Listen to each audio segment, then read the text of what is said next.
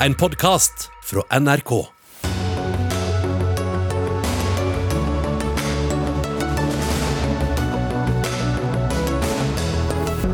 Jula er en tid for nærhet, ikke avstand, sa statsministeren da hun presenterte rådene for jul og nyttår i dag.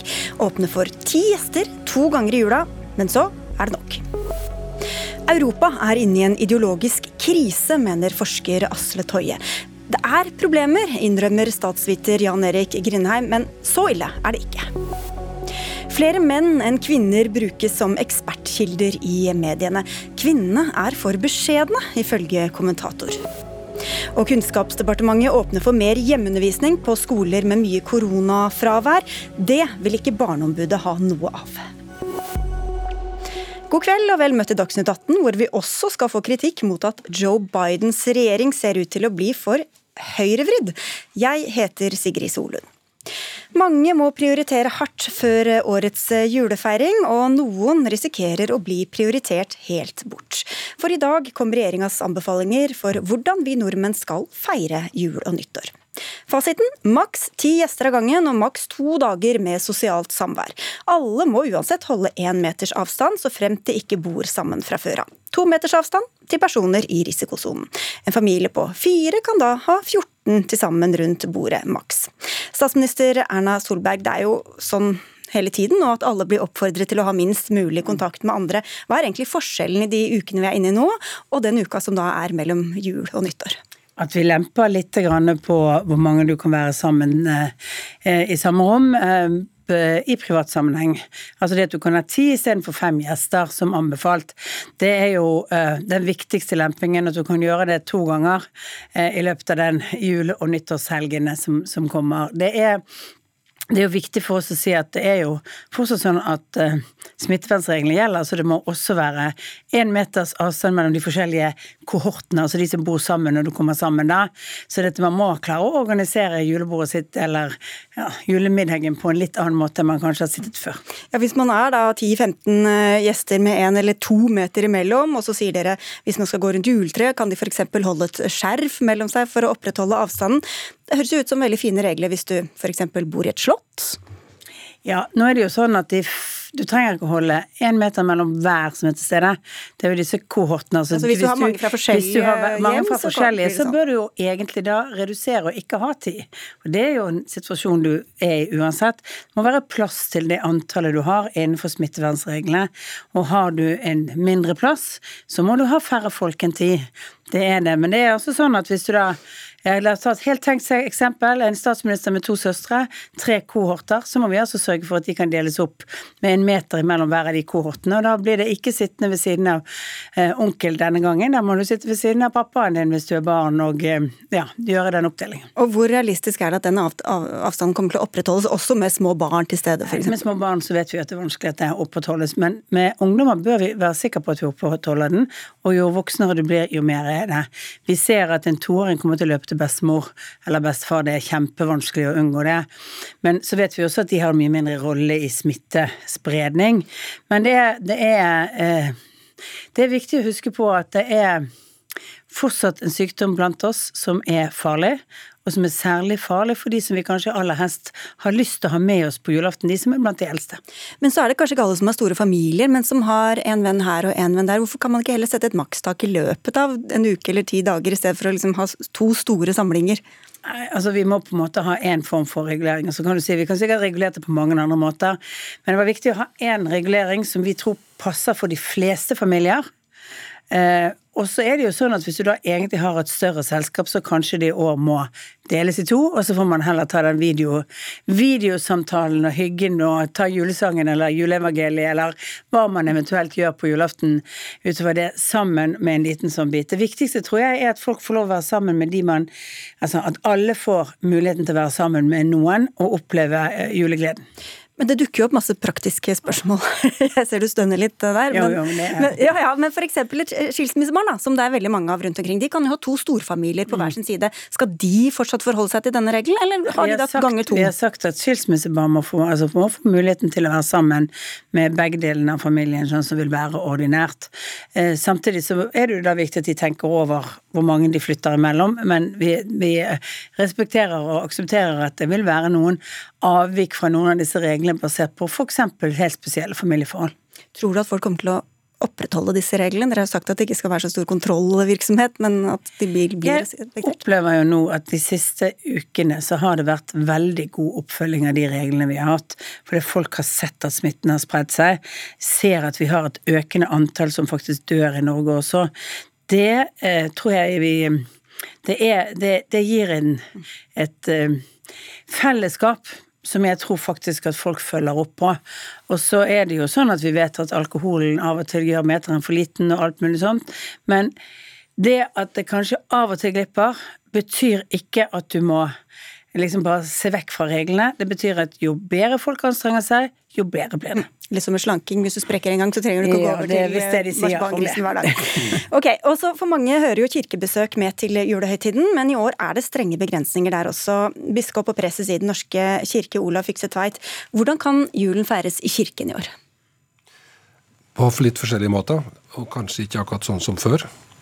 Eh, vi har disse begrensningene på at vi kan ikke være mer enn 50 inne i et sånt lokale. Og det har vi nå gått ut til alle. Sant? Eh, så, sånn blir det, og nå må jeg planlegge deretter. Og Da planlegger noen at de kan ha flere gudstjenester på julaften og på juledag, og kanskje ellers eh, på disse høytidsdagene. Og noen begynner å tenke på at det går jo an å ha et utearrangement. Da kan vi være 200 hvis vi har orden på hvem som er der, og innenfor et eh, passe område som er avgrensa. Og da kan vi faktisk også stå litt tettere og synge. Og Det vet jeg ganske mange begynner å tenke eh, konkret på nå. Og Kanskje også kan få litt eh, samarbeid med kommunen eller andre til å hjelpe til å rigge til noe lydanlegg eller lage, bruke torg. eller må ikke nødvendigvis være på kirkegården. Og så har vi også prøvd å, å, å, si at det går an å lage en, en slags kirkevandring. At mange kommer til, til kirka og kan oppleve å være i kirka, men gå igjennom. Altså Bare passe på at det ikke er flere enn 50 inne i omgangen. Eh, og så kan det være noen som spiller kirkemusikk, en annen musikk knytta til jul. Og så går man ut igjen. Og så har man vært der, og kanskje har man gått innom grava og tent et lys, osv. Og, og så er det jo mange som kan følge på TV, eller ting som blir streama og sendt. Det er mange muligheter, tross alt. Det er jo da sånn når man må prioritere hvem man skal være sammen med, at noen kanskje ikke ender opp med noen, Erna Solberg. Det var dere også innom i dag. Hva, hva gjør mm. myndighetene for å motvirke ensomhet? Vi har jo oppfordret at de som organiserer og lager tilbud til de som ikke har noen, altså de som gjør for eh, enslige, for personer som har andre utfordringer i livet, at de, at de gjennomfører arrangementene så godt det er mulig innenfor smittereglene. Da kan det også være 50 samlet. Du kan ha, hvis du klarer én meter fra hverandre stort sett i Norge. Det er litt andre regler i Oslo, Bergen og omegn. Det er viktig å understreke hver gang vi sier dette. Vi vet jo heller ikke om disse reglene vi har laget nå vil være de samme reglene i Bergen og Oslo. Det er det opp til opp til eh, lokalpolitikerne å bestemme, ut ifra den smittesituasjonen vi har. Men vi har også gitt 25 millioner kroner både til hjelpetelefoner og, for, og til jule, ulike juleaktiviteter, nettopp for at eh, man skal opprettholde en del av de aktivitetene. For vi vet at det er mange som nå føler at det er et for lite tilbud. Og hva gjør Kirken, Tveit? Jeg tror at Kirka holder på med sånne ting eh, hele tida. Altså, man har jo kontakter og nettverk som man ikke skriver aviser om. Men i tillegg så har jo hatt mange sånne tiltak for, for, mennesker som har bruk for eh, et sted å være, en familie eller en relasjon eh, på julaften. og Det tror jeg vil fortsette. Og så tror jeg også at mange skal tenke at i år at det er ikke bare kirka vi feirer jul, og kristen jul. Vi kan synge julesanger, vi kan lese juleevangeliet, vi kan høre på det lest på TV det er mange måter å, å, holde disse tradisjonene i livet på, selv om vi ikke gjør det akkurat som noe, noe, kan være gjenkjennelig. Helt til slutt, Erna Solberg, det er mange som venter på denne vaksinen, som er eh, manges eh, håp. Nå er det flere land som har fått en dato for når de skal sette i gang, bl.a. Storbritannia. Når får vi noen dato? Altså, Storbritannia har, uh, har laget en sånn nød godkjenning. Vi er en del av det europeiske systemet. Vi venter på den europeiske godkjenningen, og vi tror nok det er riktig at vi skal gå godt igjennom alle dataene å få det. Men vi håper jo da at vi i romjulen til nyttår helt tidlig i januar har godkjent og kan begynne å sette i gang når vi får vaksinene. Men jeg tenker at det er også viktig at vi følger disse stegene litt nå, for det er mange som er skeptiske til om dette går for fort. Og skal vi få flest mulig med oss i vaksineringen, så må vi ikke ta for mange korte steg. Takk skal du ha, Erna Solberg, og vi ses snart igjen, Olav Fikse Tveit.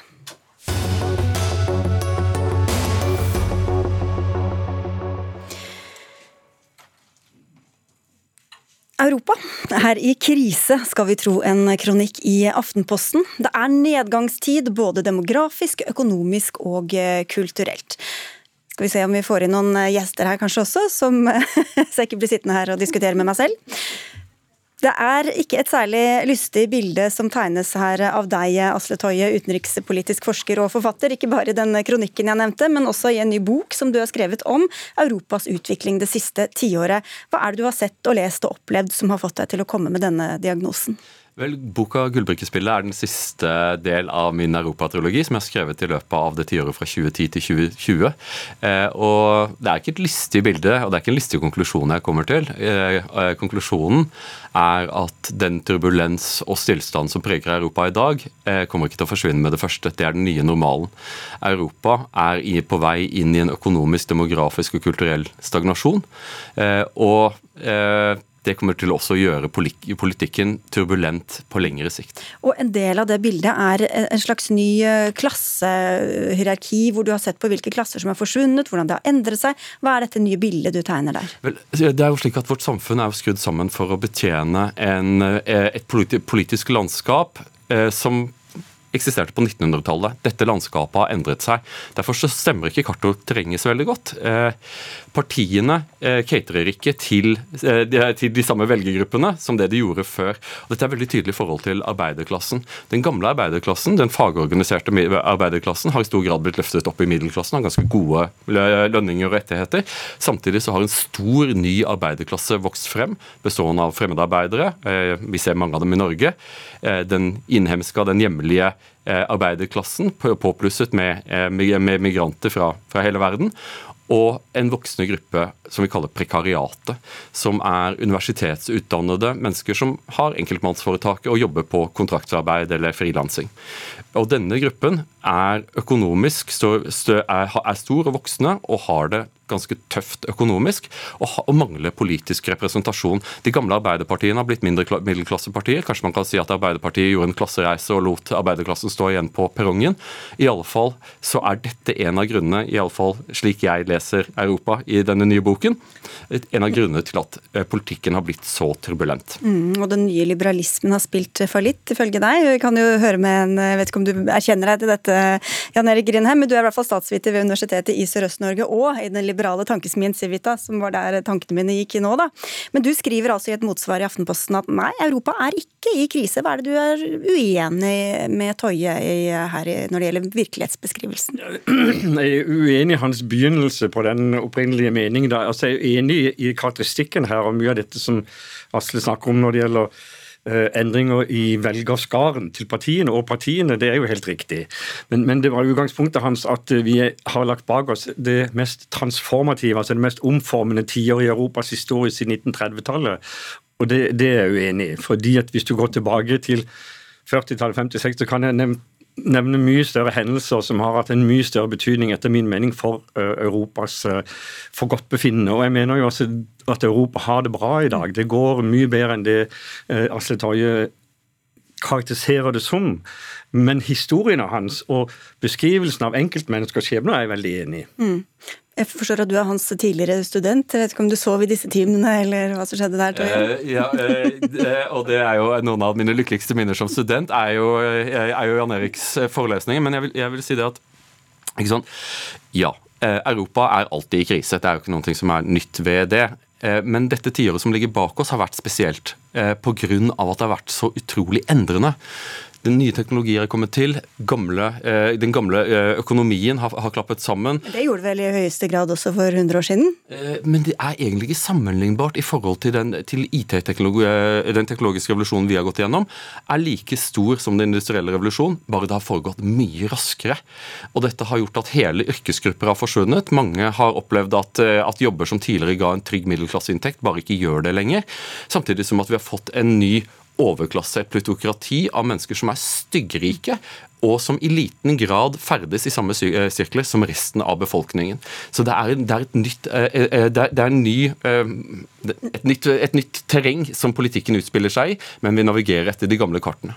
Hva er det han utelater her, mener du da, Grinan? Hvilke piler er det som peker i riktig retning? Ja, altså Det er jo spørreundersøkelser som f.eks. viser at folk ikke er så skeptiske til innvandring som det vi får inntrykk av når vi leser din, din mening. Eh, eh, fordi at det viser seg at når, når 2015-krisen var der eh, Det var ikke en flyktningkrise, det var en krise for EU. Dere er helt enig i at EU taklet ikke det bra. At mennesker på flukt kan vi ikke kalle en krise, men at ikke EUs Kanskje det var krise for dem det gjaldt, da. Men... Ja, det kan du si, men, det, men det, det, er en plikt vi har til å hjelpe mennesker på flukt. Men det som var krisen, var at ikke vi greide å hjelpe dem i fellesskap. Og det er et typisk tegn ved Europa og EU at vi er ikke gode nok, vi har ikke politisk vilje nok og guts til å gjøre det som trengs i slike vanskelige situasjoner.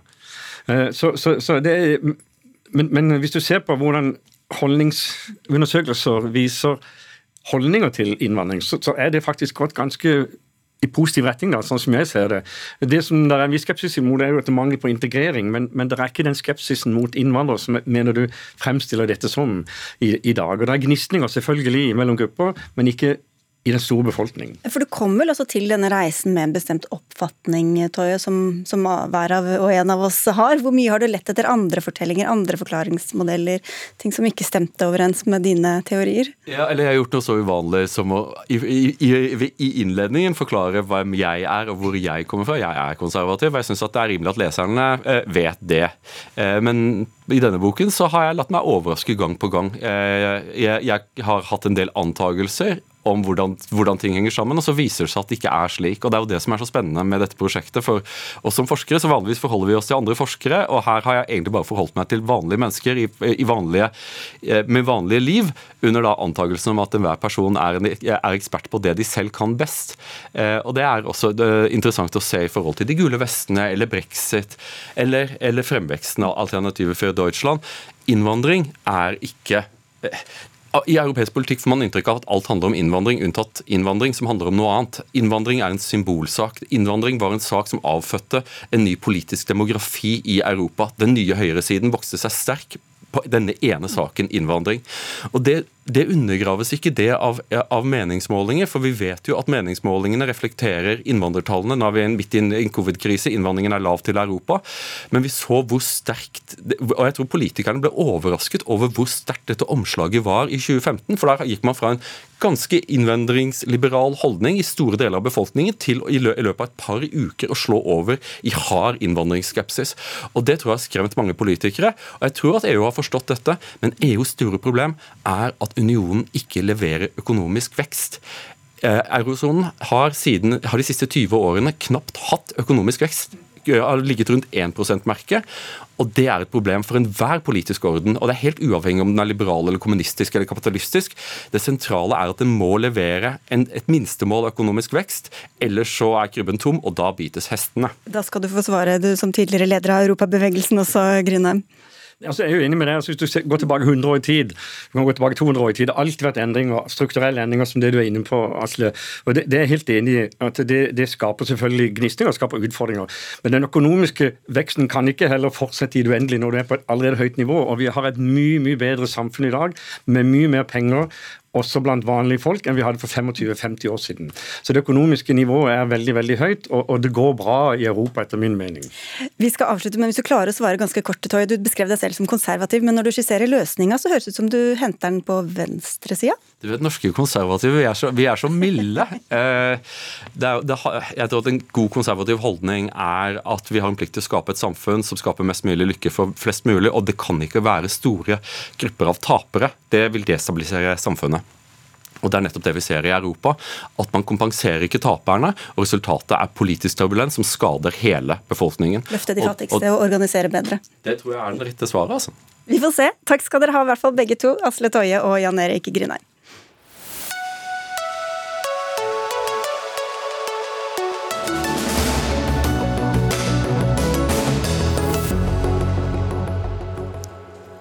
Kritikken kom fort etter budsjettenigheten mellom regjeringspartiene og Fremskrittspartiet i går, både fra Den norske kirke og fra opposisjonen på Stortinget.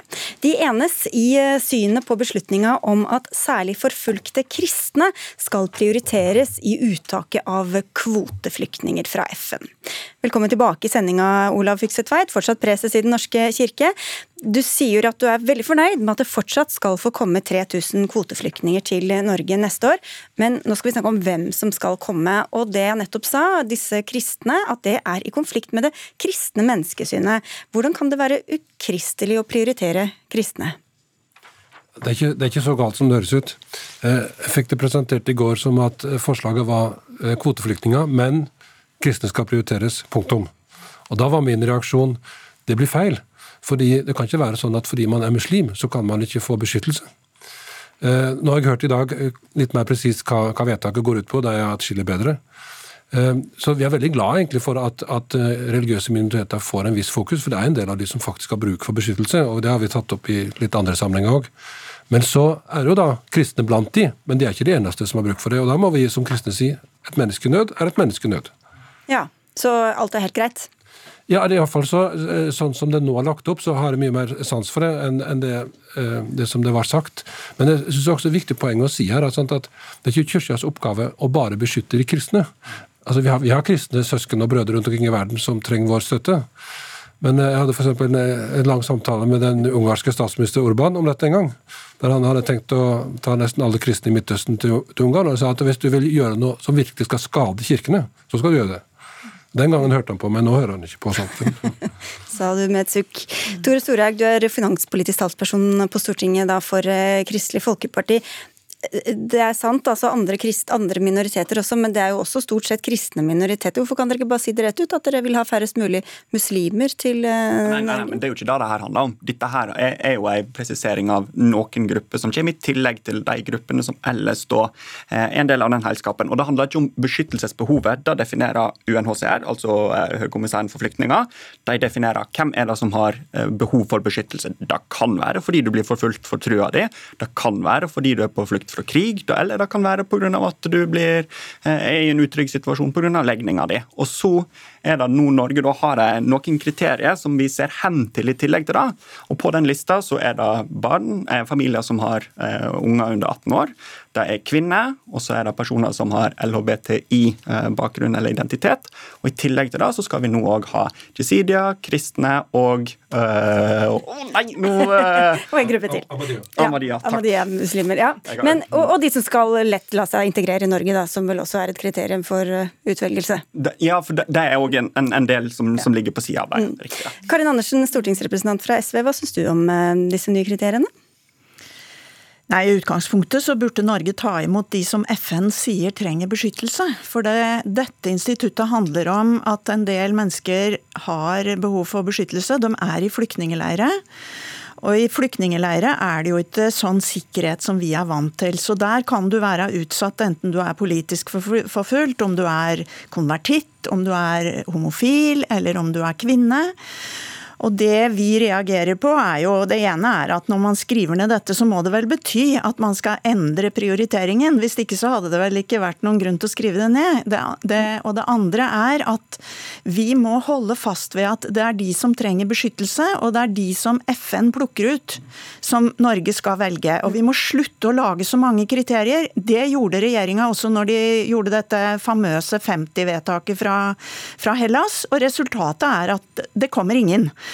Eh, her vil det nok komme noen, men FN skal avgjøre hvem det er som trenger beskyttelse. Punktum.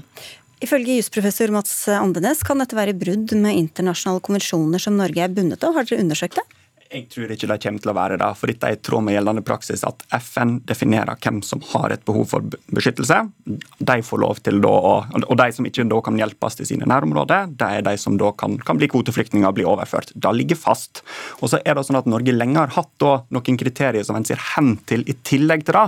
Eh, og Der har lenge da det ligget fast at det skal være barnefamilier og utsatte kvinner. Og så har en i sommer regjeringa utvida det til òg å gjelde LHBTQI. Og og så med den enigheten som ligger nå, så kommer de tre eh, gruppene da med religiøse Men, men når, man har sånne, når man har sånne kriterier, så vil det jo være noen som stadig skyves bakover i køen, som aldri kanskje blir henta inn til noe land da? Poenget er jo at de som har beskyttelse, må få, må få rett til å bli beskytta. Det er jo òg noe av det som er viktig med den enigheten som er kommet på plass nå mellom eh, KrF, Venstre, Høyre og Frp, når vi tar imot 3000 kvoteflyktninger. Det er et høyt tall som skal være med og bidra nettopp pga. at vi ser den situasjonen som en står i nå der en ikke har Jeg vet du vil ha ordet, Karin Andersen. Trenger å hjelpe flere, fordi det aldri har vært så mange eh, flyktninger i verden. Okay. Karin Andersen, du hadde flere innvendinger også til de nye Ja, altså Det ene er jo det poenget du tar, at her må man jo skyve ut noen. Men jeg har lyst til å spørre Storhaug om ikke dette også da skal få innvirkning på asylpolitikken. Fordi Norge har avvist jesidier, sendt dem tilbake igjen. Eh, jeg har tatt opp jeg har tatt opp også etter at eh, bl.a. Kirken har vist at konvertitter til Norge ikke får asyl. Det sitter folk i kirkeasyl på sjette året. Så her kan det jo ikke være sånn at disse prinsippene gjelder for kvoteflyktninger og ikke asylpolitikken. For det er beskytt, har du beskyttelsesbehov, så har du beskyttelsesbehov, enten du er kvoteflyktning eller asylsøker.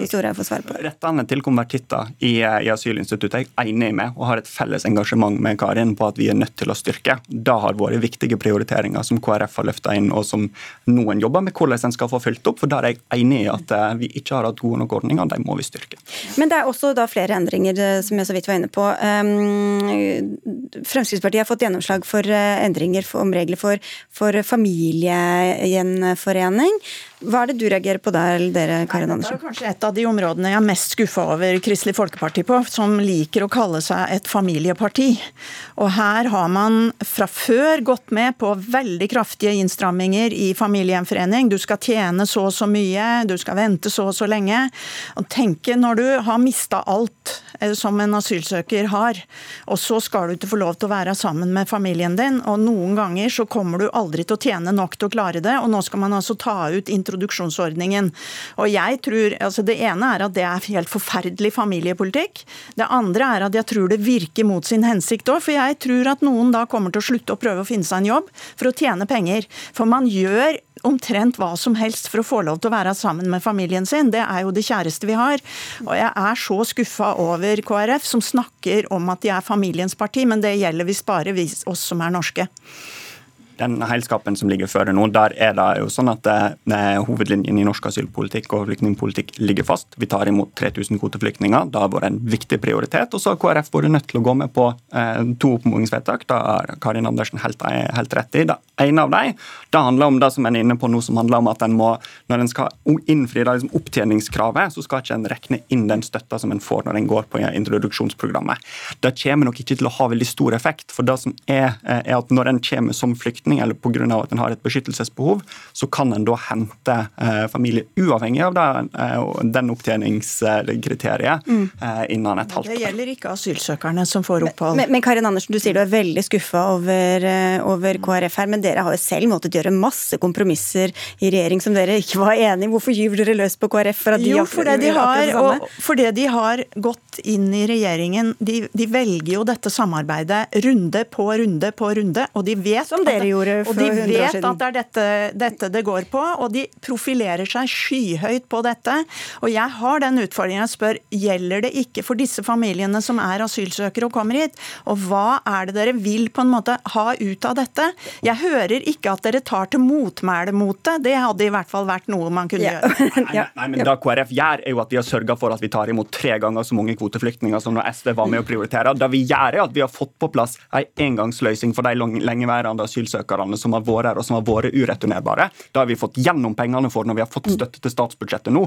Dette her viser jo at heilskapen som en står i, og inneholder noen av de viktige seirene som jeg tror både jeg og Karin egentlig er enige om. Det tror jeg dere også er enige om. Vi skal, vi skal få en tredjeperson her også. Dette skjedde i 2015, da Kristelig Folkeparti lot seg skremme som alle andre til å bryte flyktningeforpliktelsene våre. Og det henger ved, og det kommer dere ikke fra. Lar det ligge nå. Fikset veit, ja. Eh, dette er jo et eh, åpenbart et politisk eh, stridstema. Men altså, sett fra vårt synspunkt så, så, må vi jo ikke glemme at det er noen mennesker som både kommer, men det er også noen mennesker som er her. Som vi også var litt inn på. Og det, det Særlig denne med, med de religiøses behov for beskyttelse er jo akutt i forhold til noen konvertitter. Men også dette familieaspektet ser vi jo dessverre er noen som er fortsatt er i kirkeasyl, og det bør jo ingen være. Men eh, vi må prøve å si Norge har faktisk mulighet til å gjøre veldig mye. Det er bra at vi har 3000, og sånn som Europa er nå, så, er det ikke så lett for noen å komme seg til, til Norge helt tatt utenom. Men vi må i hvert fall stille opp, og det må vi kunne gjøre bredt. Og jeg, jeg tror faktisk at dette kan være en, en åpning for at vi begynner også å se på de, de, som har behov for beskyttelse, som allerede er her også.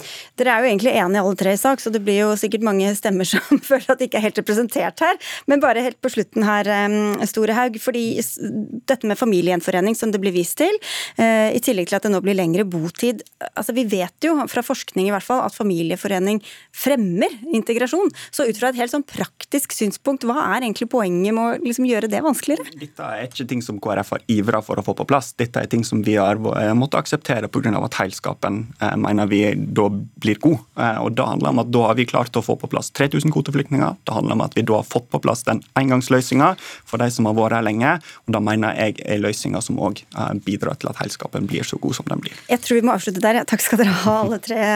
Tore Storehaug fra Kristelig Folkeparti, Karin Andersen fra SV og Olav Fikse Tveit, som er preses i Den norske kirke.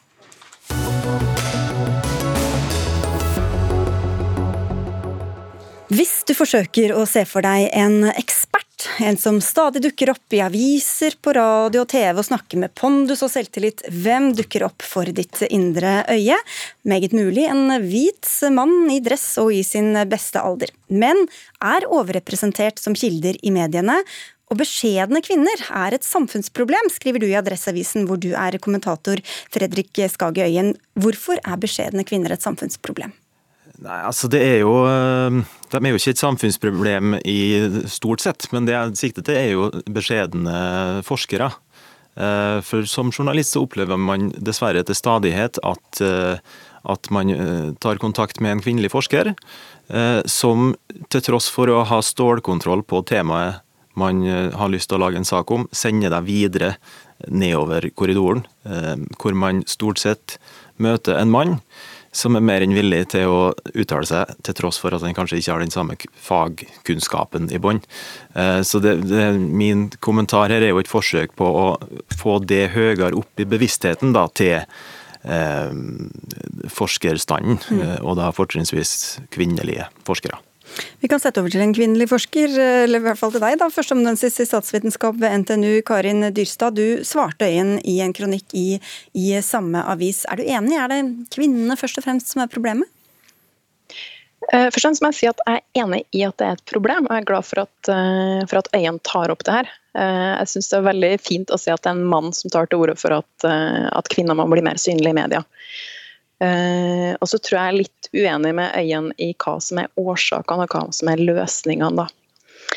Uh, for jeg kjenner meg igjen i den beskrivelsen som Øyen sier, altså at, uh, at, kvinner nok har lettere for å takke nei og si at nei, det her er litt utafor det jeg kan uttale meg om. Men jeg er ikke helt enig i at, at, det er bare kvinner som har skylda for det. At det, altså, det er bare kvinner som må, må ta seg sammen. Jeg tenker at uh, mannlige journalister godt kan prøve litt hardere. Uh, jeg har sett referert forskning som viser at kvinnelige journalister er flinkere enn menn til å få kvinner i tale, bl.a. Ja, vi kan jo høre med Øyen, da. Hvor mye har du gått i deg selv eh, før du skrev denne kommentaren? Jo, jeg mener jo at det, altså, De mediehusene jeg har vært en del av, hvert fall, har jo det her som en ganske tydelig eh, altså, Tallene er så skjeve, eller det er en så tydelig ubalanse, at det her er noe man jobber for ganske aktivt. Eh, men man sliter med å, å få det til. Hvor mange Og, har dere, Hva slags prosentandel opererer dere med? Nei, det vet jeg ikke helt. Eh, De tallene har jeg ikke, men jeg har jo sett at jevnt over i norsk nyhetsdekning så er det jo ca. 25-75 i fordeling da, i eh, kvinner og menn. Det er jo et overslag, selvfølgelig. men Og så må jeg bare si det at jeg er litt uenig i at jeg sier at det bare er uh, dama sin feil, det her. Det sier jeg jo ikke. Men jeg sier at dama òg er en del av det her problemet. Hvordan eh, kunne man spurt annerledes, tror du, Dyrstad, for at flere kvinner skulle ville takke ja? Eh, Jeg tror at det å få klar beskjed som kvinne om at eh, her ønsker vi en kvinnelig kilde, eh, og det her er noe vi jobber for, er noe kvinner setter pris på å høre. Det, hjalp, altså det var et spark bak til meg at ok, jeg må faktisk eh, bli litt flinkere til å snakke om ting som, som kanskje ligger litt utafor akkurat det jeg føler jeg har store-kontroll på. Ja. Skulle du fortsette? Eh, nei, vi Nei. kan gå videre. Ja, nei, fordi eh, Spørsmålet er jo også litt hva, uh, hva kvinner, og for så vidt menn, også frykter kan skje hvis de uttaler seg offentlig. Forsker ved Institutt for samfunnsforskning, Marian Nadim, du har forsket på forskjellene på hvilke ubehagelige reaksjoner menn og kvinner kan få når de, eh, på nettet da, når de er, er i mediene. og Hva er det du har funnet da? Ja, altså Det vi har studert, det må jeg først og fremst si, er eh, vanlige folks erfaringer med å motta ulike former for netthets. Eh, så ikke nødvendigvis folk som har deltatt i mediene, men vanlige folks erfaringer. Eh, og det vi finner, er at det er små kjønnsforskjeller egentlig i hva slags type hendelser folk rapporterer om. Eh, Menn rapporterer faktisk noe mer enn kvinner, at de har opplevd det de oppfatter som hatytringer eller ubehagelige kommentarer. Men det vi ser er at kvinner og menn får ulike typer kommentarer. eh, Hvor kvinner får kommentarer som i større grad retter seg mot hvem de er som person, mens menn i større grad rapporterer om kommentarer som går på sak, altså hva de mener og hva de står for, eller innholdet i argumentet deres.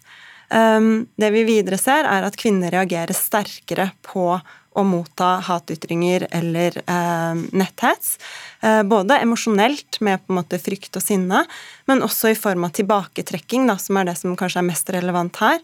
Eh, med at de i større grad enn menn, faktisk dobbelt så ofte, sier at de blir mer forsiktige med å si sin mening offentlig etter å ha mottatt eh, hatytringer. Um, og det vi ser er at kvinner reagerer i særlig stor grad på nettopp den type hets som de får mer av, altså den type hets som går på hvem de er som person. Uh, menn reagerer ganske sånn likt, uavhengig av hva slags type hets de har mottatt, mens kvinner da som sagt reagerer sterkere på den type hets som går på hvem, um, hvem de er. Hva regnes som hat og hets i en sånn sammenheng? Altså, I denne undersøkelsen, Dette her er basert på en spørreundersøkelse, så da blir det jo eh, opp til hver enkelt å definere på en måte om det de har opplevd, treffer disse spørsmålene våre. Helt konkret, Vi har hatt litt ulike spørreundersøkelser med litt sånn ulike typer spørsmålsformuleringer. Den mildeste formuleringen vår eh, er vel ubehagelige ytringer eller noe sånt noe. Det vi har spurt om flere ganger, er om folk har mottatt hatefulle ytringer, og så har vi definert det som nedverdigende, truende, trakasserende eller stigmatiserende ytringer. Så det er ganske harde ord, eh, mener jeg. Eh, Og så har vi også spurt om opplevelser med trusler, men det er det ganske få som har opplevd. Og dette gjelder jo da som sagt såkalt vanlige folk, eh, Fredrik Skagøyen. Men er det rart at kvinner kan betakke seg når de, når de ser hvordan andre kanskje blir behandlet? Nei, det syns jeg ikke er rart i hele tatt. Og det er jo et kjempeproblem det her som tas opp her, at, at kvinner får en eh, større eh, Hva skal jeg si At kvinner får eh, annen type hets, og hets som stikker dypere. Og det har jo vært litt av kritikken mot min eh, kommentar, da, den jeg skrev, at jeg ikke dro frem det som et tema. At eh, mye av årsaken til at kvinner ikke tør å stikke seg frem i media, er at de er at de må tåle såpass mye hets da, at det er helt urealistisk liksom, meg, for at jeg som mann skal, skal, skal foreslå det som en løsning. Um, Så det er jo uh, det er et vanskelig tema, for å si det sånn. Hvordan opplever du det, Dyrstad? Jeg tenker at her må vi skille mellom forskning som er kontroversiell og forskning som ikke er kontroversiell. Eh, Sånn som Mitt fagfelt regner jeg som rimelig ukontroversielt, og det jeg har uttalt meg om tidligere i media, har vært helt ukontroversielle ting. Jeg har ikke fått noen negative tilbakemeldinger på det. Så jeg tenker at, eh, at det er et skille der. Altså, mellom, selvfølgelig leser man og hører man om denne hetsen som, som uh, forskere som driver med innvandringspolitikk f.eks. mottar. Uh, og Man hører også om, om, den hetsen som kvinnelige politikere mottar, og som gjør at en del trekker seg. Men jeg tror ikke at det er hele bildet. For jeg tror ikke at uh, altså, Nå er det første gang jeg uttaler meg om noe som i nærheten av er kontroversielt, sånn som jeg opplevde det sjøl. så jeg tror ikke at det er frykten for hets egentlig er hele, hele forklaringa. I hvert fall ikke innafor mindre kontroversielle tema. Men du sier at menn kan godt takke nei litt oftere. Hvorfor skal menn lide for at kvinner ikke takker ja?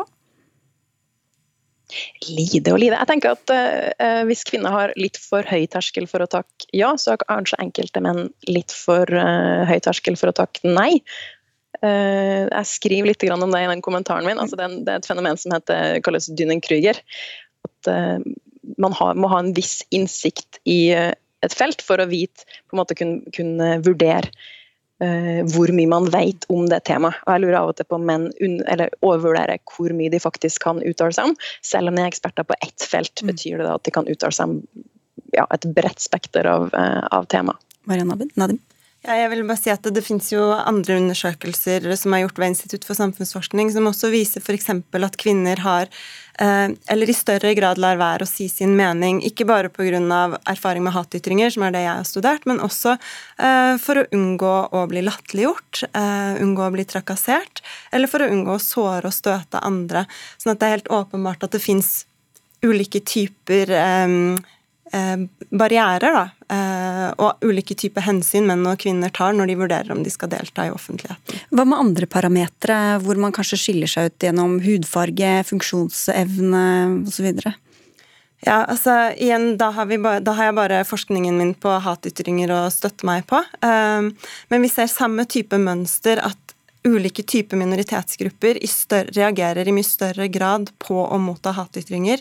Det trigger en større altså Det ser ut til å trigge en større frykt i dem, nettopp kanskje fordi det trigger bevisstheten om å tilhøre en utsatt gruppe, fordi man også har observert hva andre eh, blir utsatt for.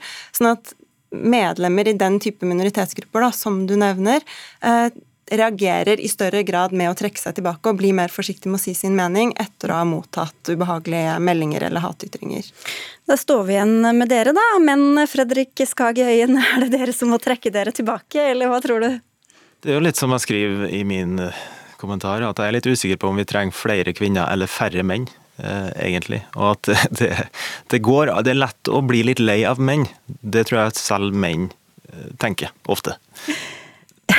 vi får la det bli siste kommentar, og så burde jeg jo la være, men eh, jeg klarer ikke det. Så jeg kan jo da informere om at Dagsnytt 18, til tross for at Bent Høie og Espen Nakstad så å si har flyttet inn i studio, har hatt en 43% kvinner og 57% menn som gjester så langt i år, og noen uker har vi hatt overvekt av eh, kvinner også.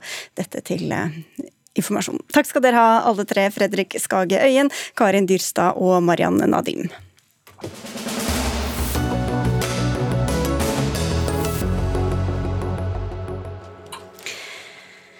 Skal vi se, Regjeringa vil gi skolene friere tøyler til å innføre hjemmeskole for barn over tolv år. Det kom fram i dag. Da sa kunnskapsminister Guri Melby at hun vil åpne for mer hjemmeundervisning på skoler som har mye fravær hos elever og lærere knyttet til koronapandemien. Folkehelseinstituttet har laget en trafikklysmodell med grønt, gult og rødt nivå, som viser hvilke smittetiltak barnehager og skoler skal følge. I dag er det åpning for hjemmeundervisning på skoler som har har eh, rødt nivå, og ifølge forslaget blir dette altså også aktuelt på skoler som har gult nivå. I dag er hjemmeskole bare lov ut fra et smittevernhensyn. Inga Beiring, barneombud, dere er kritiske til flere elementer her, men for å ta dette siste jeg nevnte først. Hvorfor eller hvordan kan det være galt å innføre hjemmeskole som er begrunnet ikke direkte med bare smittevern? Jeg tror jeg vil starte med å si at jeg har eh, stor respekt for den jobben som gjøres ute i Skole-Norge i dag, både av skoleledere og lærere. Og jeg har på på nært hold selv sett hvordan lærere strekker seg veldig langt for å gi den hjelpen de trenger. Eh, det min rolle er, og min viktigste rolle som barneombud, det er å påse at, eh, at du bl.a. og regjeringen gjør, ikke gjør inngrep i barns rettigheter mer enn det som er nødvendig. Og si fra når jeg mener det går for langt, særlig nå under pandemien. Så derfor så, og det er for så vidt det jeg også gjør nå, at jeg sier at nå, nå må vi stoppe en hal. Nå må vi sørge for at vi ikke hui og hast uh, gjør ytterligere begrensninger i elevenes uh, rett til opplæring, som kan ha store konsekvenser for, for en del elever. Men Hva er det som er så farlig med det forslaget som ligger på bordet nå, da? Sånn som det er nå, så er det jo mulighet å altså Utgangspunktet er jo etter opplæringsloven at elever skal ha undervisning på skolen. Eh, og Grunnen til det er jo at vi alle er enige om at det er det beste. Det er det beste for læringen for elevene, men det er også veldig viktig for deres sosiale utvikling. Men så har man jo under koronaen sett at man har behov for å gjøre unntak fra det pga. smittevern. Så Derfor så har jo regjeringen nå hatt mulighet til, og skolen også mulighet til, da, å ha regler som gjør at man må ha hjemmeundervisning hvis smittevernhensyn tilsier det. Og det har vi jo i dag. Men det regjeringen ønsker å gjøre nå, det er å gjøre ytterligere begrensninger i retten elevene har til å få undervisning på skolen. Eh, og de skal da ha rett til å ha hjemmeundervisning der det ikke er begrunnet i smittevernhensyn. Eh, og det er det jeg eh, er bekymret for, og jeg tenker at nå må man tenke seg godt om. Det er et usikkert hjemmelsgrunnlag, og det er snakk om ganske alvorlige inngrep i, i mange barns rettigheter. Mm. Eh, og det som jeg bare sier, Når det gjelder disse materielle reglene som nå er sendt på høring, så er det særlig to ting som jeg, som jeg har behov for å varsle om og som bekymrer meg. og Det er det ene, de materielle vilkårene. Altså Hva skal til for at en skole skal kunne beslutte hjemmeskole? Eh, det er veldig skjønnsmessige kriterier, hvor de åpnes for stort rom, handlingsrom for den enkelte skole. Det er det ene. Og det andre er at det er ikke tidsbegrenset. Sånn at skolen kan på en måte holde på med dette uten å tvinges til å ta en, en jevnlig vurdering kanskje hver 14. dag, om at OK, er det fortsatt nødvendig? Ålreit, da går vi til deg, statssekretær Anja Johansen fra Kunnskapsdepartementet. Det har så langt bare vært hjemmel, altså det har bare vært mulig å drive med, hjemmeundervisning ut fra smittevernhensyn. Nå gjør dere dette mer fleksibelt, mer opp til hver enkelt skole, og med uklare rammer, som vi hører her. Hvorfor det? Ja, Barneombudet sin eh, oppgave er jo å ta vare på elevene, og vi skal prøve å lage et system som tar vare på elevene og lærerne. Og vi har fått veldig klare signal fra sektoren om at det er veldig mange slitne der ute. Det er vanskelig organisatorisk å, å klare å drive skole eh, med ramme nå for gult nivå særlig, så man har ønska seg mer fleksibilitet på gult nivå. Eh, og så er det jo sånn at det vi åpner for, det er en konsekvens av smittevernreglene. Det er jo høyt fravær blant lærere og elever i områder med mye smitte over tid. Det er jo det som er en del av kriteriene. Eh, og så er det jo heller ikke sånn at nå blir det fritt fram for å, å ha hjemmeopplæring. Er, vi tenker at den innramminga vi har sendt på høring, er såpass stram at vi tror at dette skal kunne fungere. Hvem skal da ta de vurderingene om hvorvidt dette er forholdsmessig, og om det er i tråd med elevenes rettigheter? Det må man jo gjøre på, på, altså på skoleeiernivå. Eh, og hvilken, hvilken, kompetanse har de til å gjøre det, da? Ja, Jeg kan si hva, hva, hva vi tenker innramminga skal være. For den er såpass stram at, at det vil man jo antakeligvis klare godt. Og dessuten er jo det her ute på høring, og vi venter på praktiske og faglige innspill, sånn som Barneombudet sitter nå. Men altså, det skal være covid-19-relatert fravær blant lærere og eller elever over tid.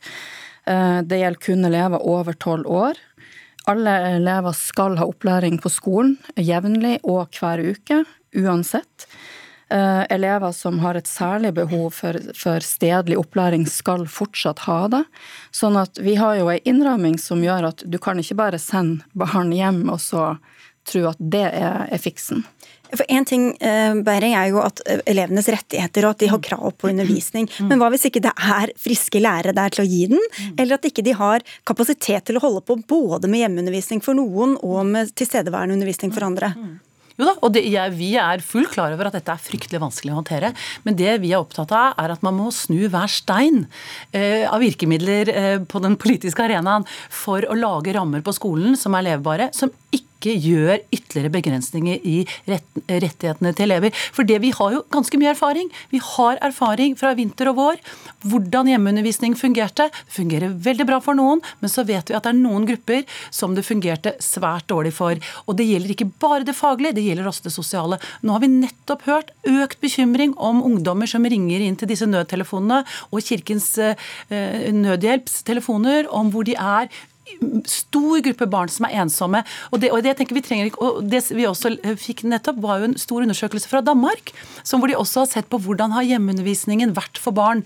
Og det de konkluderer med, Hovedkonklusjonen er at den forskjellen mellom elevene som skyldes sosial arv, den forsterkes under en periode med mye hjemmeundervisning. Og det må regjeringen ta på alvor og finne alle muligheter for å gjøre dette bra uten å, å la ungdommen betale den største prisen igjen. Okay, du vil sikkert si at du er minst like bekymra for ja, de barna og ungdommene? Jo det, og her har jo bl.a. Barneombudet vært med å spille inn at altså, den oppmerksomheten rundt barn som av mange ulike grunner er sårbar, mm. den må vi opprettholde. Og så er det jo sånn at nå er det fritt fram. Den klare hovedregelen er fortsatt at hjemmeopplæring opplæringa bare skal brukes hvis man må. Opplæringa skal aller helst skje på skolen for alle. Og Nå er jo dette ute på høring med en ganske kort frist, men hva skal vi med disse reglene for gult og rødt når man avviker det etter ganske kort tid?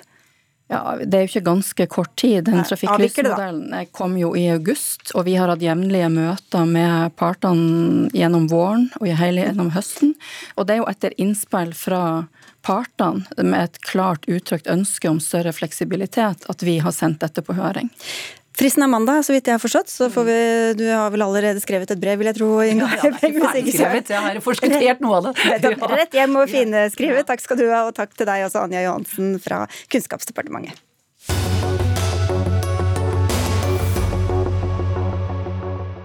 Joe Bidens regjeringskabal er på god vei til å gå opp. USAs påtroppende president har allerede nominert mange av dem som etter alt å dømme overtar regjeringskontorene etter 20.1. Spesielt demokratiske velgere følger prosessen med argusøyne, og ikke uventet er misnøyen med den påtroppende regjeringa størst hos venstresida i partiet. Reidar Strisland, du er forfatter av boka om, eller i hvert fall én bok, det er vel flere, om Bernie Sanders og politiker for partiet Rødt. Hvordan skulle disse nå nevnte, og for så vidt du også, ønske at den sammensetningen vi ser nå, hadde vært noe annerledes? Altså Først og fremst så er ikke jeg spesielt overraska over den sammensetninga som har vært. Og han kunne faktisk vært verre. Hvis du går tilbake til Obama og ser, ser hvem det var han foreslo inn i regjeringa i 2008, så var det folk fra Wall Street. Det er, det er et hakk bedre nå. Eh, samtidig så er USA i en stor økonomisk krise, en stor helsepolitisk krise, en stor klimakrise.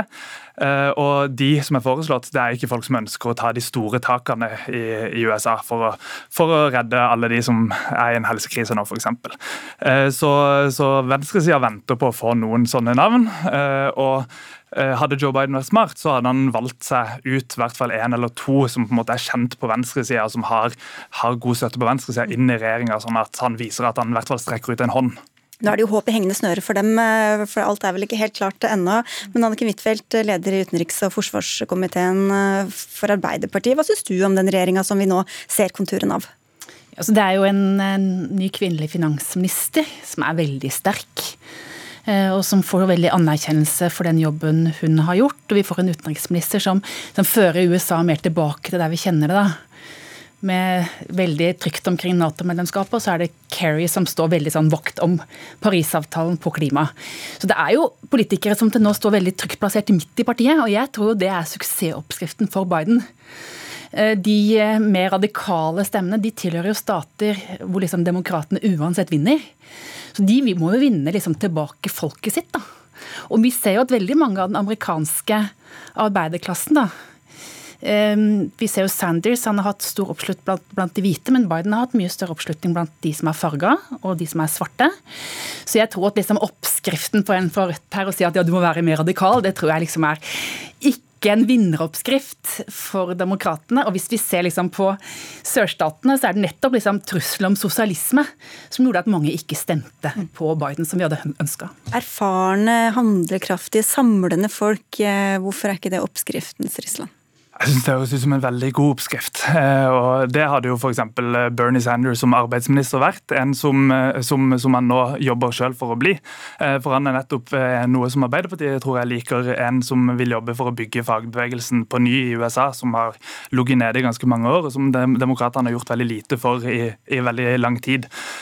Så, så, og Du ser også på målingene, hvis du spør hva demokratiske velgere mener, så ønsker de f.eks. en helsereform for å få et eh, norsklignende helsesystem.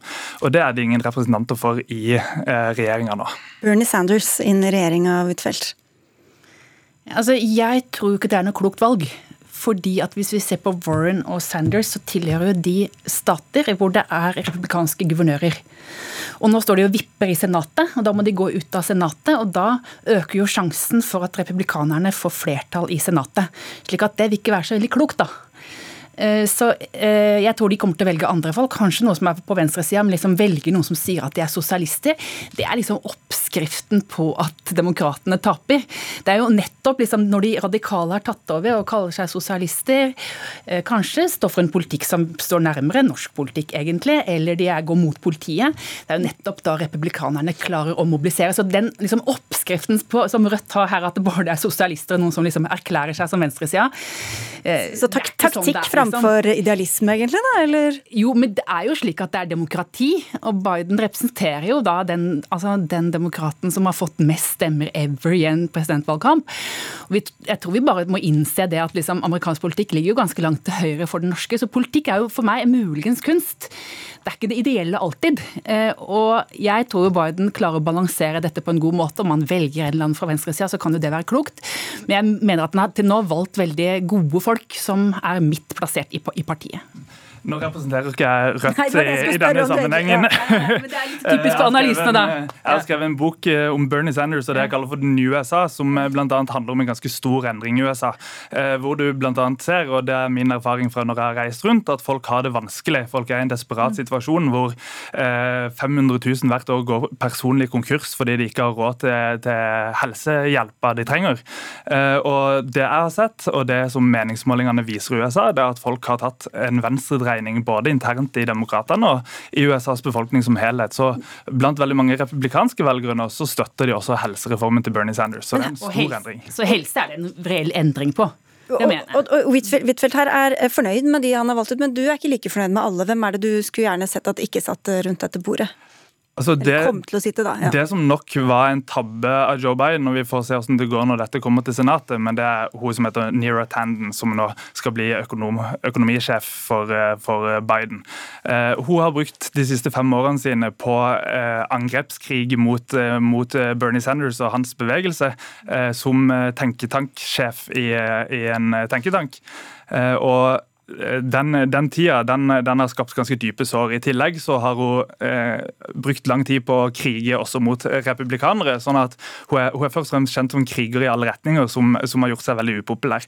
Så, så, det blir vanskelig for henne å få republikanske stemmer i Senatet, og hun sliter også med å få Bernie Sanders sin stemme. Da. Så spørsmålet er om hun får flertall. Eh, det, det får vi se på.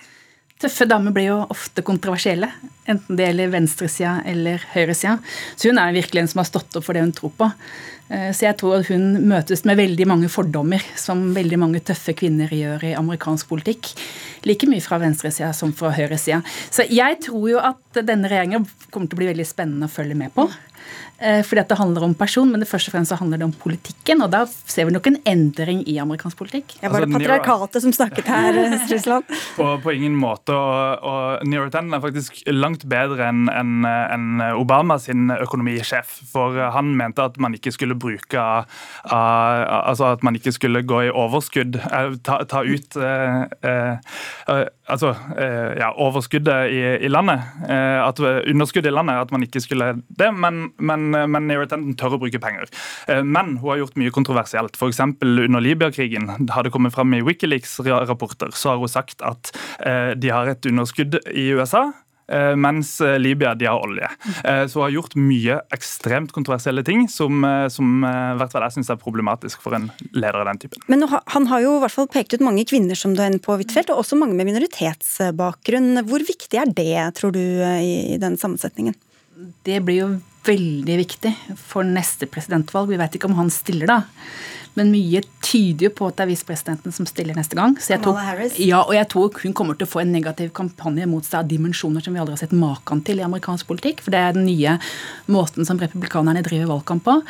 Men det er flere da som eh, har minoritetsbakgrunn, så det er liksom veldig viktig i amerikansk politikk. Men jeg tror nok at det som vil være hovedforskjellen da med amerikansk politikk nå og under Obama, er jo at de blir mer opptatt av innenlandsproblemer, altså helseutfordringer, som du er inne på. Også store sosiale problemer. Eh, Også problemer i arbeidslivet. Så de må bli mer opptatt av den vanlige amerikaner. Vi er opptatt av utenrikspolitikk og hva som når Norge. Eh, Der er de tilbake i folden, men vi ser nok ikke et så engasjert da, USA i tida som kommer, for de har såpass store interne problemer som de må løse. Altså Det er kjempebra at eh, man har et mer mangfoldig regjeringsapparat. Eh, Det er, det er et skritt i riktig retning, eh, definitivt. Samtidig er det sånn at hvis, hvis de fortsatt kommer til å gå inn i en ny Irak-krig, så er det ikke så kult. Så, så dette kommer an på, på retningsvalg og hvilken politikk som blir gjennomført, men det er klart at det er, det er et skritt i riktig retning. Og det ser vi at Biden har jo hatt en mye større oppslutning da blant den fargede befolkninga enn det Sanders har hatt. Så han har jo en veldig høy tillit på dette området. Bernie Sanders var den mest populære blant latinamerikanere, f.eks. Det var mye, det bare, bare mye om Bernie Sanders her. Dere, ja da, men vi må avslutte, nemlig for tida vår er ute, så vi får si takk til dere begge to. Og før vi sier helt farvel, så må jeg si at vår gode kollega Ole Torp har sin siste sending i kveld, og den kan alle se på NRK2 og så NRK1. Anne Katrine Førli, Ida Larald Brenna og jeg, Sigrid Solund, takker for følget.